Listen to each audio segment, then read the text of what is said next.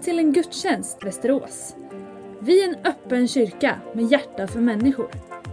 Vår bön är att gudstjänsten ska uppmuntra dig och att du får lära känna Gud lite bättre. Varmt välkommen!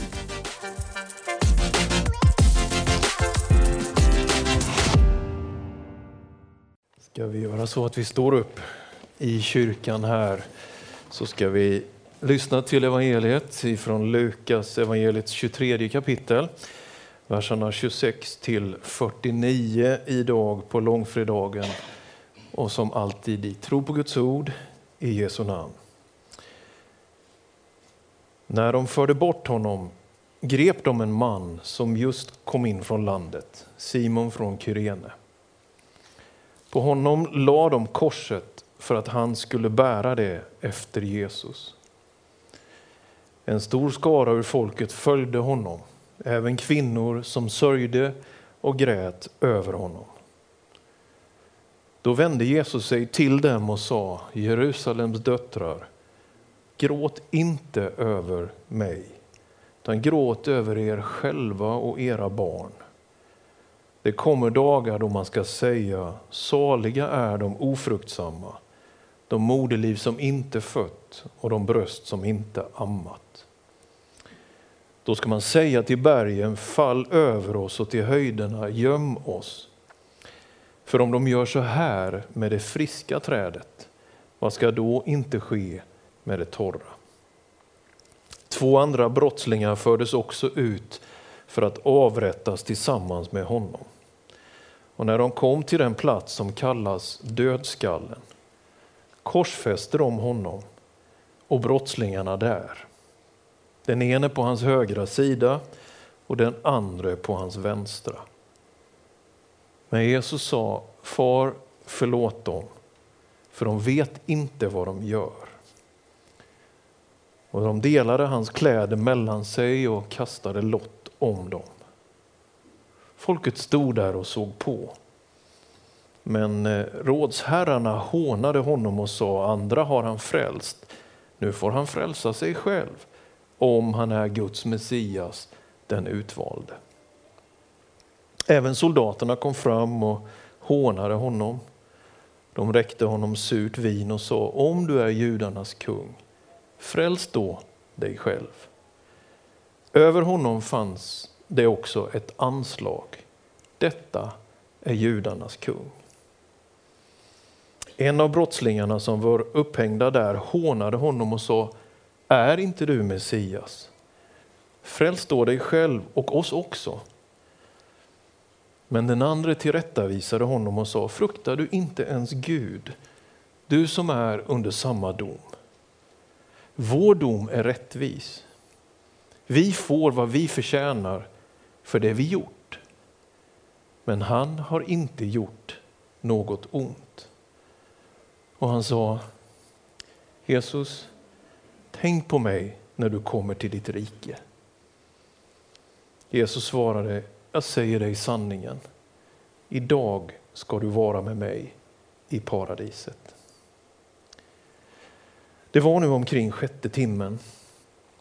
Då kom ett mörker över hela landet som varade fram till nionde timmen. Solen förmörkades och förhänget i templet brast mitt i tu. Och Jesus ropade med hög röst, Far, i dina händer överlämnar jag min ande. När han hade sagt detta gav han upp andan. När officeren såg vad som hände ärade han Gud och sa, den mannen var verkligen rättfärdig. När allt folket som hade samlats som åskådare såg vad som hände slog de sig mot bröstet och vände hem igen. Men alla hans vänner och kvinnorna som hade följt honom från Galileen stod på avstånd och såg detta. Amen. Varsågod och sitt ner.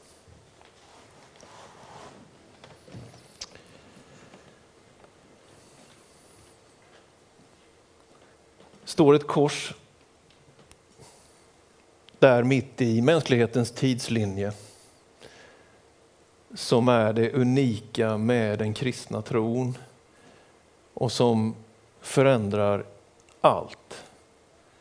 Ändå tror jag att vi har svårt att ta till oss vad det verkligen är. Och den dagen vi fullt ut skulle kunna förklara vad det verkligen är så kan vi nog vara rätt så säkra på att vi inte fullt ut kan göra det, någon av oss. Det finns någonting som är ett mysterium i försoningen. Ändå är det någonting av det som är helt uppenbart. Tron, kärleken från Gud, att döden blir besegrad och att det finns liv för alltid. Det kan varje människa ta emot och låta sig förvandlas av. Det finns någonting så vackert över det som också är en avrättning. Tänk att det är ett avrättningsredskap som är kyrkans primära logotyp eller varumärke för att använda ord som man ju alls inte ska använda i de här sammanhangen. Men det vi vill ha i varje kyrkorum och på varje byggnad är just en symbol som bevisar om att någon led och dog. Det är ju så intressant med de här människorna som dyker upp i den här berättelsen. Simon från Kyrene, han är där, han är från Nordafrika, han är av judisk börd, han står där och ser, det är påsk och man, om man kan så ska man vara i Jerusalem, så det är mycket folk. Och Jesus, han får, för att den romerska makten ska bevisa just sin makt, så får man bära sitt kors till den här platsen som verkar vara längs en väg ut ifrån Jerusalem, dödskallen, huvudskalleplatsen, Golgata kulle. Så att alla skulle kunna se att du sätter inte dig upp emot makten ostraffat. Så på den här vägen till avrättningsplatsen så får en man ur folkskaran bära hans kors. Det var ockupationsmaktens rätt att bara plocka någon och säga du får göra det här. Här har vi den ofrivillige mannen och de frivilliga kvinnorna. Ibland låter det som engagemanget i kyrkan, att vi män är lite lagom och det är kvinnorna som får bära det. Simon från Kyrene, vi vet inte så mycket av honom annat än att han var tvungen att bara göra sin del. Han fick bära Jesu kors. Tänk att dras in i detta på det sättet så finns de här kvinnorna som alltid fanns runt Jesus. De stöttade honom. De finansierade nog en del av verksamheten. De var där när han blev ifrågasatt, de var där när han gjorde under, de var där vid den övre salen på pingstdagen och de är vid hans kors. Det verkar finnas någonting i, i den kvinnliga liksom, själen och uppfattningsförmågan av tillvarons verkligheter som ibland har lättare att tillgodogöra sig andliga verkligheter än vad många gånger vi män faktiskt har. Så jag tror faktiskt inte det är helt slumpartat att det är en ofrivillig man och ett antal frivilliga kvinnor som följer Jesus där. Nåväl, det sker en progression och en procession och det är ju någonting som innebär en så märklig, konstig, svårförståelig, brutal uppgörelse. Det är någonting av den totala identifikationen med vad besvikelser, vad prestigeförluster, vad ensamhet, vad mobbing, vad trakasserier, utsatthet skulle kunna vara som bärs upp av Gud själv här. Det tunga med långfredagens budskap är att det finns någonting nedärvt i oss alla, inte bara i de här soldaterna, inte bara i korrupta religiösa ledare, inte bara i Adam och Eva, utan också i oss idag. Att människan inte kan hålla sig ren. Människan kan inte hålla sig fri ifrån svek, fri ifrån avundsjuka, konkurrens, fri ifrån synd. Så det mörka, det abrupta, det påfrestande, det som är jobbigt och Jesaja profeterar att man som vände bort sitt ansikte från honom, hans utseende kunde inte behaga oss. Herrens lidande tjänare, det som vi är med när vi följer vandringen upp emot korset är avklädande. Total identifikation med det mest skämmiga och påfrestande mänskligheten kan producera. Och det handlar inte bara om alla de andra som vi tycker kan schavottera på nyheterna utan om oss. Synden är mörk, den är svart, den dödar, den tar liv, den får oss att missa målet. Det är ett system i det som förstör mänskligheten, som gör att vi inte kan unna varandra framgångar, som gör att vi inte riktigt kan glädjas med den som glädjer sig och knappt gråta med den som gråter. Vi lever i ett skamsamhälle där det som syns är det som räknas. Men Bibelns berättelse är att hela mänskligheten står naken inför sin egen skuld och kan inte hantera detta. Det är någonting som dyker upp här både från de religiösa potentaterna och från en av rövarna. Kan du inte rädda dig själv? Fräls dig själv.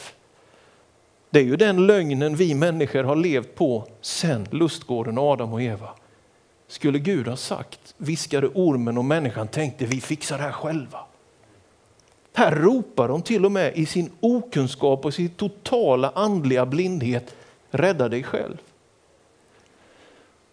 Och inser inte att det är Gud själv som hänger där.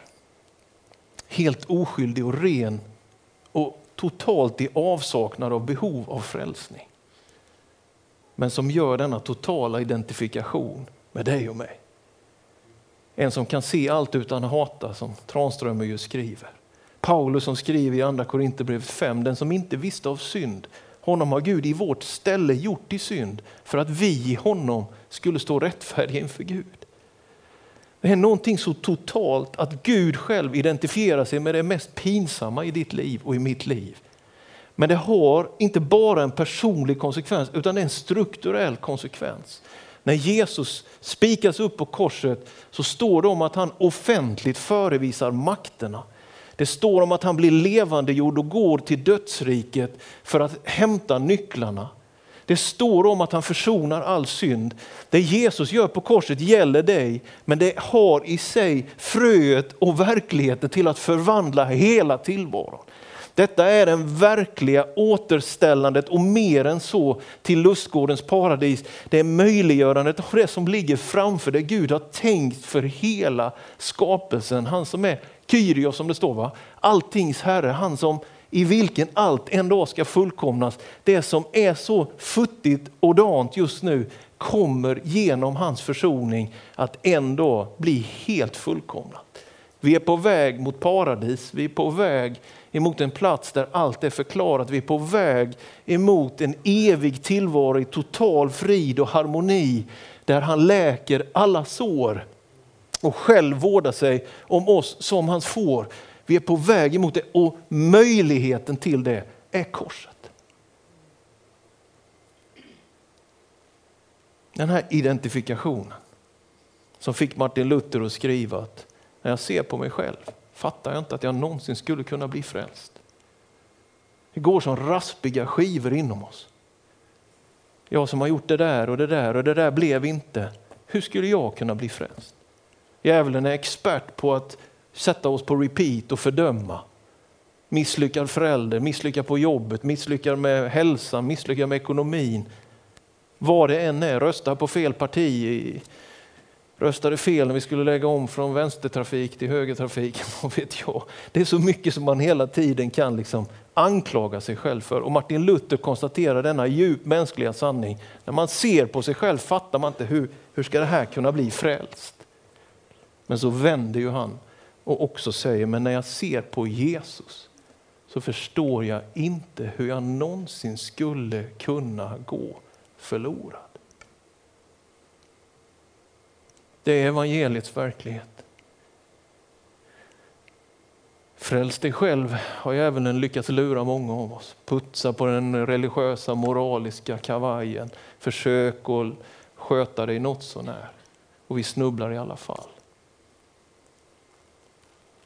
Jag ser på mig själv, det går inte. Jag kan inte bli frälst. Det går inte att frälsa sig själv. Men när jag ser på honom så förstår jag inte att jag någonsin skulle kunna gå förlorad. Evangeliet får inte bli gammalt. Jag hoppas du som lyssnar till den här predikan kan inom dig känna tack Jesus. Att du kom. Tack Jesus att du var lydig. Tack Jesus att du härdade ut det djupaste. Bibeln talar ju makabert om detta, att han blir gjord till synd. Att förbannelse blir lagd på honom. Han är oskyldig men bär upp all skulden. Det finns inget behov av honom, för honom att frälsa sig själv. Men han gör det för vår skull. Ja, det här är så otroligt stort och det är det mest centrala i vår tro. Jesus led och dog för våra synders skull och han uppstod för vår rättfärdiggörelses skull. Detta är själva kärnan. Det är origo. Det är alltings balanspunkt. Det står ett kors rest i mänsklighetens historias tidslinje genom vilket allt förvandlas. Påsken möjliggör pingsten. I pingsten kommer kraften och förnyelse och framtidsdrömmarna. Utan påsken finns ingen pingst. Utan det vi är frälsta ifrån finns ingen möjlighet det vi är frälsta till. Det är förvandling. Därför är inte evangelium en filosofi. Men det har filosofiska inslag. Det är inte en terapi, men det kan ha terapeutiska inslag. Det är inte en åsikt, det är inte en ideologi. Utan evangelium är Guds kraft till frälsning. Det är inte förändring att få ett lite bättre liv, sju steg till att inte må allt för dåligt. Utan det är tro som ska bära dig in i evigheten. Det är pånyttfödelse och det är ett liv med Gud som vi är skapade för.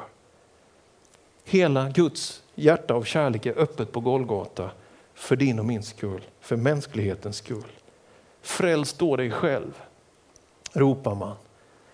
Och Jesus bara på något sätt, Fader förlåt dem, de vet inte vad de gör. Han gör det för dem som ropar det där. Han gör det för dem som drar in de där spikarna. Och frälsningen etableras. Lovat vare Herrens namn. Man kan ju tänka sig i tider av krig i Ukraina, tider av en väldig liksom nedgång för demokratin, tider av när det auktoritära på något sätt vinner mark. När en slags hederskultur av repressalier hela tiden, att man inte ska ta något från någon. Utan man ska ge igen, och man ska vinna och man ska hämnas. Så är ju evangeliets budskap det totala annorlundaskapet. Han bryter ju detta orsakssamband. Att hat ska besvaras med hat. Öga för öga, tand för tand. Utan han går emellan och bär upp allt detta. Därför behöver korrupta politiska ledare och korrupta religiösa ledare tillsammans med människor som kanske ingen vet namnet på, alla samlas vid korset. Alla behöver till korset. Vägen in i en församling är inte plånbok, relationer, är inte kunskap, är inte moral. Vägen, porten in i denna och alla kyrkor går via Golgata. Ta emot Jesus i ditt liv. Tro på honom. Det är din väg in i hans rike. Det är stort och det är fantastiskt. Så berättar ju Lukas här att det här tjocka tygstycket rämnar. Det brister. Och du kanske känner till berättelserna om först tabernaklet, det tältet som det judiska folket hade med sig under vandring från Egypten till löfteslandet, hem igen kan man säga. Och så blir det sedan på, ja kan man ju säga, planer under Davids tid men på Salomos tid ett tempel. Och vid den här tiden är vi framme vid det man kallar för Herodes tempel, för Herodes liksom låter bygga och, och ordna ett tempel igen. Och så finns det olika trappor och områden på tempelområdet som leder fram hedningarnas förgård, kvinnornas förgård, männens förgård, prästernas in i det heliga, in i det allra heligaste dit bara överste prästen en gång om året skulle kunna gå för att sona sina och folkets synder. De har den här mörkblåa prästdräkten och där i follen det finns en bjällra och ett äpple av guld varannan runt hela så att man ska kunna höra om prästen fortfarande rör sig där inne. Paulus skriver om att han har rivit ner skiljemuren i Efesierbrevet. Vad var det? Jo, men det var en mur på tempelområdet hit men inte längre för icke-judarna. Paulus säger den är borta. Hebreerbrevets författare talar om att förlåten har rämnat. Det är någonting som öppnas upp, inte bara till det som är att få ett lättat steg och bli av med sin skuld, utan faktiskt in i ett rum av helighet. Ett rum som är definierat av Guds närvaro. Inte nu längre en, utan alla. Inte bara särskilda, utan alla. Kristus blir vår präst och vår överste präst. Och vid den här tiden slaktas lamm både i hemmen och i templet. Och Paulus skriver i Korinthierbrevet Kristus, vårt påskalamm, har blivit slaktat. Det finns en fullkomlighet från Kristi sida där han fullgör kraven på renhet och helighet för att människor ska få leva i den frihet som han ger. Gud och människa försonas genom Golgata. Så står där en officer och när Jesus ger upp andan, när detta mörker är över Jerusalem i tre timmar, mellan tolv och tre, när det finns en rämnad förlåt, när det finns en känsla, måste du ha varit i Jerusalem, att någonting helt annorlunda händer just nu. Så står den här officeren där och tänka sig att en företrädare för de som just hade korsfäst honom börjar prisa Gud. Representanten för makten prisar Gud. Det korrupta, det ogudaktiga kan vi säga, prisar Gud. Den mannen var verkligen Guds son. Hade vi läst tidigare i samma kapitel så skulle vi ha sett att Pilatus, den här officerens chef, säger jag, jag, finner, jag förstår inte, jag finner honom inte skyldig. Vi hade kunnat läsa om hur Herodes hade sett fram emot att få träffa Jesus och när han tar emot honom och Lukas berättar det precis före korsfästelsen så blir Herodes glad och han hoppas att han ska få se Jesus göra något under, något tecken. Så varken egentligen Pilatus eller Herodes liksom totalt så att säga dömer honom.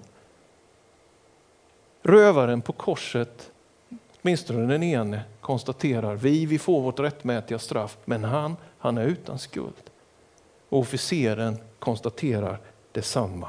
Den mannen var verkligen rättfärdig. Pilatus, Herodes, rövaren, officeren, alla konstaterar han är oskyldig. Vi är skyldiga, han är oskyldig. Så han är en läkare för våra sår. Han är en herde för oss alla, vi som är då hans får. Och han är en frälsare för all vår synd. Tack Jesus för Golgata. Amen. Herre, jag tackar dig för att du gav ditt liv på korset, Herre, och att vi den här långfredagen får minnas, får påminna oss om, ta del av, leva in i det som förde dig till korset. Och Herre, jag behöver det, vi behöver det. Din frälsning, din nåd. Vi tackar dig idag. Vi vill likt officeren prisa dig, Herre. Du var helt oskyldig. Du var helt ren. Du hade inget eget behov av frälsning. Men tack Jesus för att din frälsning etablerades på korset. Tack att frälsningen är stark. Tack att frälsningen verkar idag. Tack för att det finns något som heter syndernas förlåtelse. En ny chans.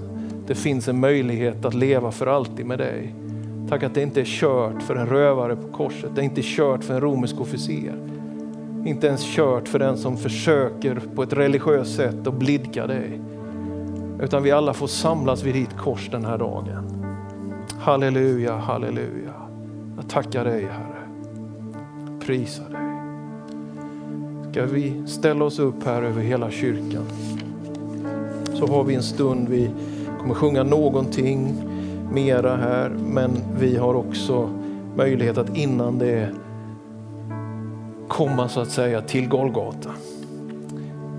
Den inre vandringen av att göra upp sin sak med Gud, att få bekänna sin synd, att få lämna av sin börda, få påminna sig på nytt igen behovet av hans frälsning.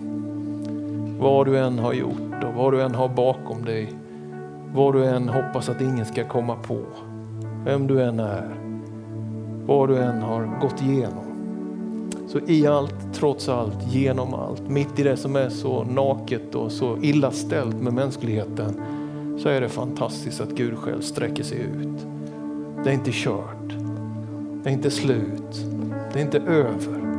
Det finns en ny dag, det finns nya kapitel att skriva. Det finns nya erfarenheter att göra. Inga synder är omöjliga för honom att förlåta. Jag vet inte vem du identifierar dig med. Simon från Kyrene som växte upp i kyrkan så säga och hamnar i den här miljön och knappt har valt det själv och tycker det är svårt att fatta allt vad du är här av plikt. Jag tror att det finns ett antal sådana som på något sätt inte självklart i hjärtat har kunnat tillgodogöra sig evangeliet. Frälsningen är inte så stor för dig. Du kanske identifierar dig med Simon från Kyrene idag. Du är också välkommen till korset. Kanske du identifierar dig mer med kvinnorna som älskade Jesus. Som verkligen älskade honom, stöttade honom, bad för honom, försvarade honom.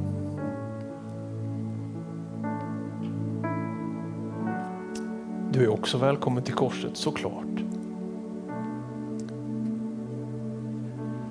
Det finns en skala. Visst är det så. Men det anstår inte evangeliet att gradera synder. Utan Bibeln säger att vi har alla syndat. Syndarna, vilka det är? Ja, det är vi. Frälsaren, vem är det? Ja, det är inte vi, men det är han. Åh, vad vi behöver korset. Paulus skriver i Galaterbrevet, jag vill inte berömma mig om något annat än korset. Den kände svenske författaren August Strindberg. Liksom. Han hade jättesvårt med kristendomen och gudstron hela sitt liv. Men mot slutet av sitt liv, och jag tror det står på hans gravsten, säger han, var hälsat kors, mitt enda hopp.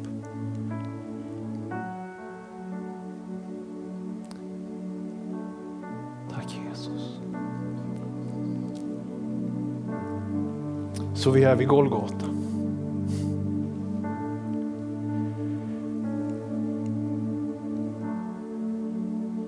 En och annan här i det här rummet kanske behöver be den här liksom med Jesus. Men Fader förlåt dem, de vet inte vad de gör. Bara kokar inom en ibland av adrenalin och frustration och man känner sig missförstådd. Men korset är också en plats för att hantera de egna inre frustrationerna som spelar spratt. Alltså vi pratar om försoning på riktigt. Och det är radikalt, det är väldigt utmanande. Att förlåta sina fiender, be för de som förföljer en, välsigna de som förbannar. Det är ju vackert att läsa. Men vad svårt att tillämpa.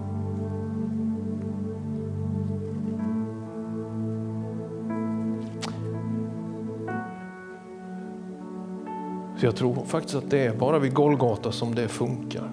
Jag tror inte det funkar liksom i någon annan miljö.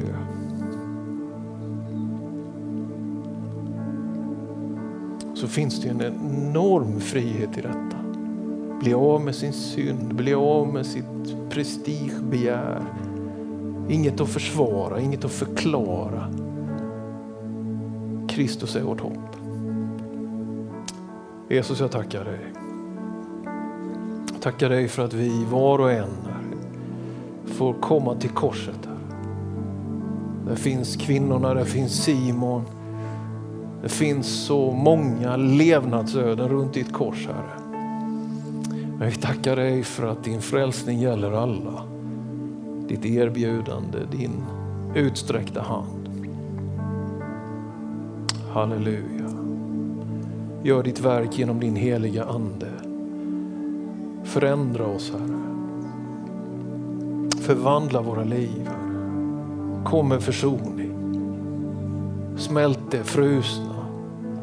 Mjuka upp det hårda inom mig, Herre. inom oss.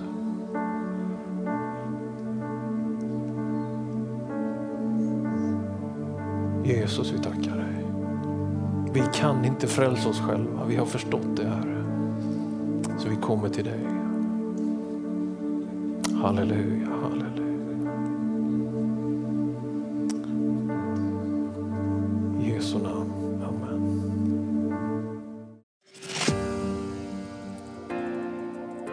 Du har lyssnat på en gudstjänst från Pingst Västerås.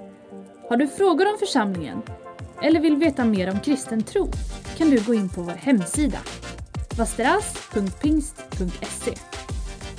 Varje söndag firar vi gudstjänst tillsammans klockan 10.30. Välkommen att vara med via webben. Sök efter vår Youtube-kanal Pingst Västerås så hittar du livesändningen.